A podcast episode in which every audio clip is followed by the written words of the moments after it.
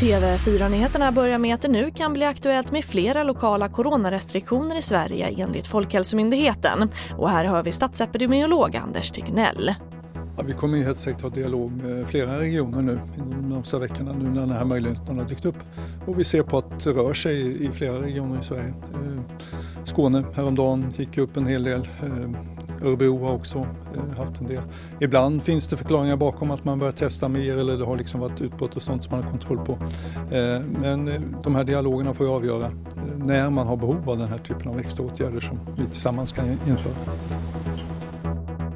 Och högt uppsatta polischefer har fått exklusiva hyreslägenheter i en fastighet i centrala Stockholm samtidigt som de satt i styrelsen för den stiftelse som äger huset. Det här visar en granskning som DN gjort. Tidigare länspolismästare Karin Götblad är en av dem som fått en lägenhet och även en av styrelsemedlemmarnas barn har fått ett kontrakt. Och vi avslutar i rymden. För 12 minuter efter midnatt i natt svensk tid meddelade NASA att rymdsonden Osiris-Rex landat på asteroiden Bennu, 330 miljoner kilometer från jorden. Uppdraget är att ta med sig grus och stoftpartiklar tillbaka som ska kunna ge svar på vilken roll asteroider spelat för att skapa förutsättningar för liv på jorden. TV4-nyheterna, jag heter Charlotte Hemgren.